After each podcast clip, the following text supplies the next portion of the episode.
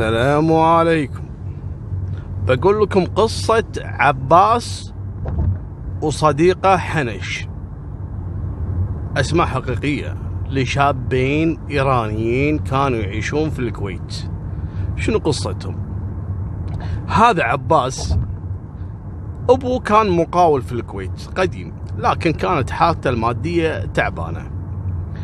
وعباس هذا وده يعني إنه يتطور يبي فلوس يبي كذا ويعاني ما قام يشتغل ما قام حتى يكمل دراسته ما الولد تدمر نفسيته تعبت.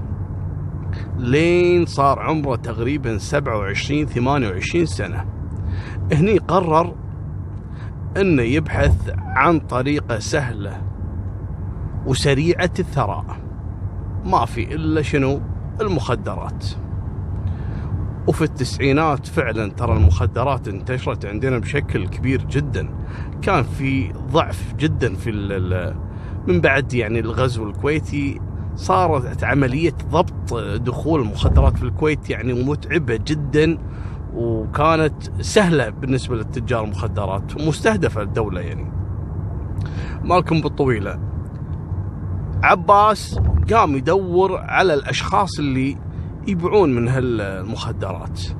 لقى صديقه كذلك إيراني ينقال حنش.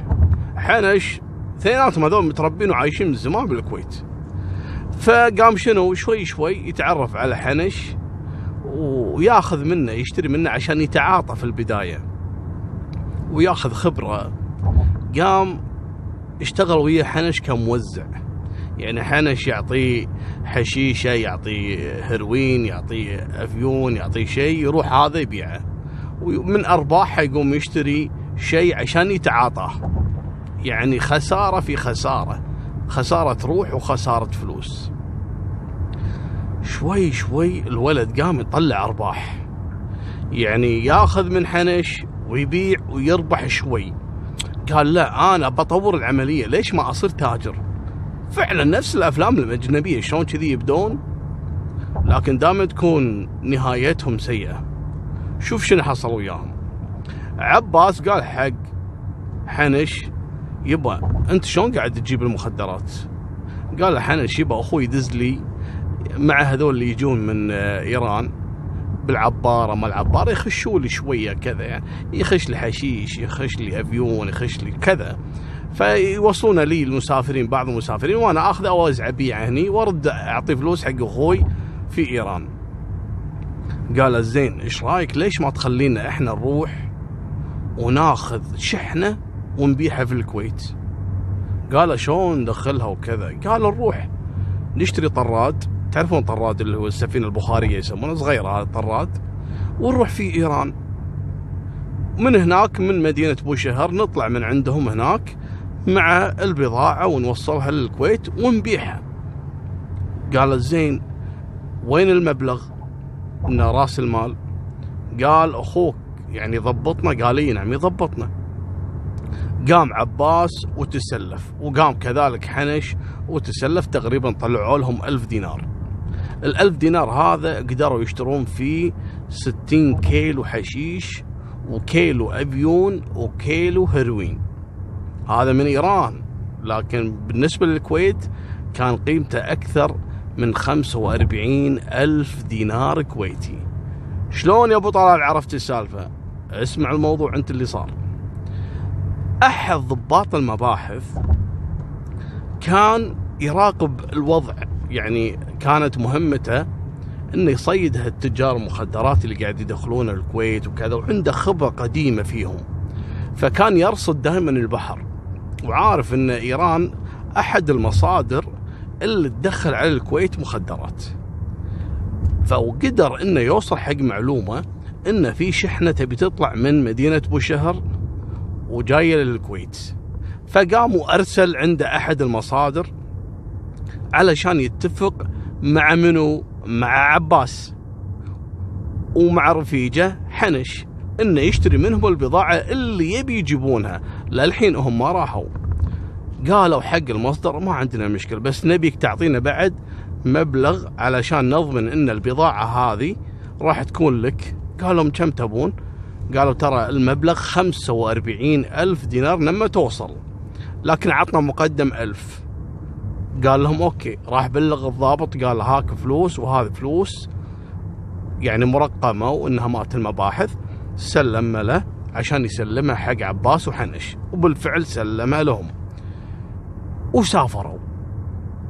وقعد المصدر هذا من بعيد لبعيد يعني يتواصل مع عباس وحنش علشان يعرفون متى راح يوصلون وكان الاتفاق إن ينتظرهم في آه، جزيرة عندنا في الكويت اسمها قارو جزيرة قارو هذه أقرب جزيرة جهة إيران. يعني تبعد مسافة بحرية ثلاث ساعات تقريبا ثلاث ساعات ونص.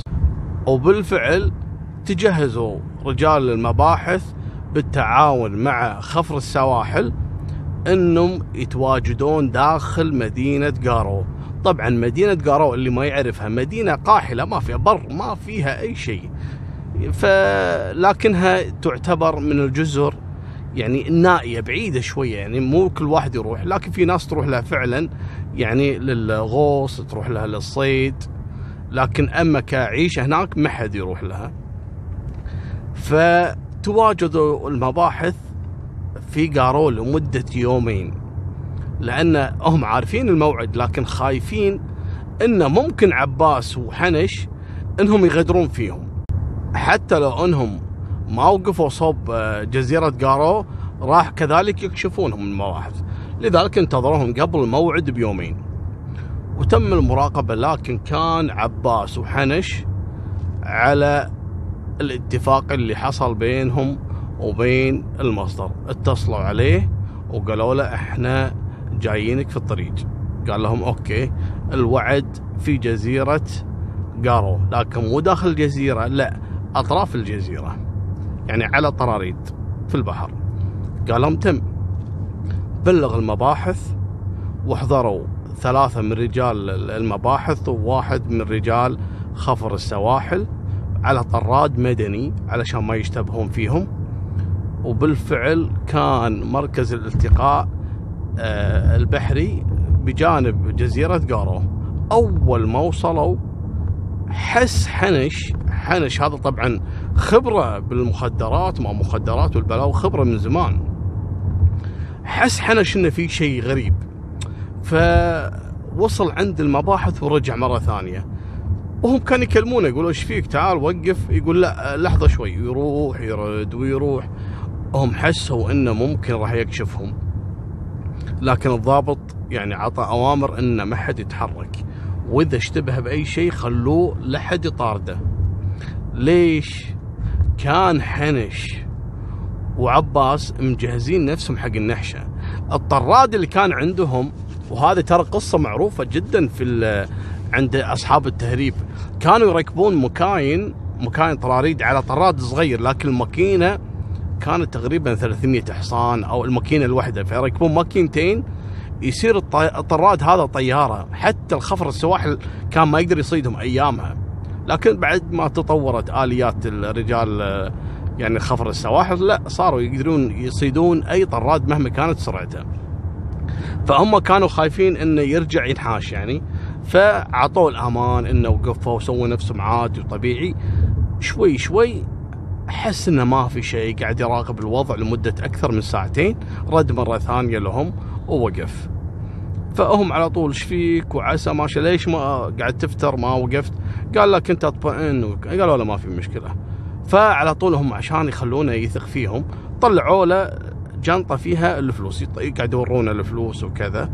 فقال يلا قطوا لي الفلوس عشان أعطيكم جراكل. هذه الجراكل آه، كان يخبي فيها المخدرات. بحال إذا تم ضبطه يقوم يقطها داخل البحر ويخلي براس الجركل هذا نفس الطفاحه يعني يرميها بنص البحر ويمشي. يقدر يمر عليها بعدين راح يقدر يوصل لها من عن طريق الطفاحه هذه اللي تبين من فوق فيسحبها مربوطة بحبل مع الجركل ويسحبها فوق. فقال لهم الجراكل هذه معاي قالوا له ما في مشكلة بس تعال جيبهم دخلهم عندنا في الطراد ونعطيك الفلوس. قال لا وكذا. لا لا التسليم يكون عندي. قالوا له لا التسليم يكون عندنا. هم يبونه يوخر عن الطراد اللي كان راكبه لأن مبين عليه على المكاين إنه طيارة ممكن إنه يغدر فيهم وينحاش. لكن هم علشان يزيدون ثقتهم يعني عنده قاموا يرمون عليه يعني ربطات الفلوس. قالوا له يبا هاك هذه ربطات كل ربطتين ثلاثة يحذفونها عليه يقول لهم قط علينا جركل. فكان يقط جركل أمن الرجال قام نطعه ركب في طراد رجال المباحث اللي هو عباس. وحنش كان على استعداد إنه ينحاش بأي لحظة يعني كنوع من الحرص.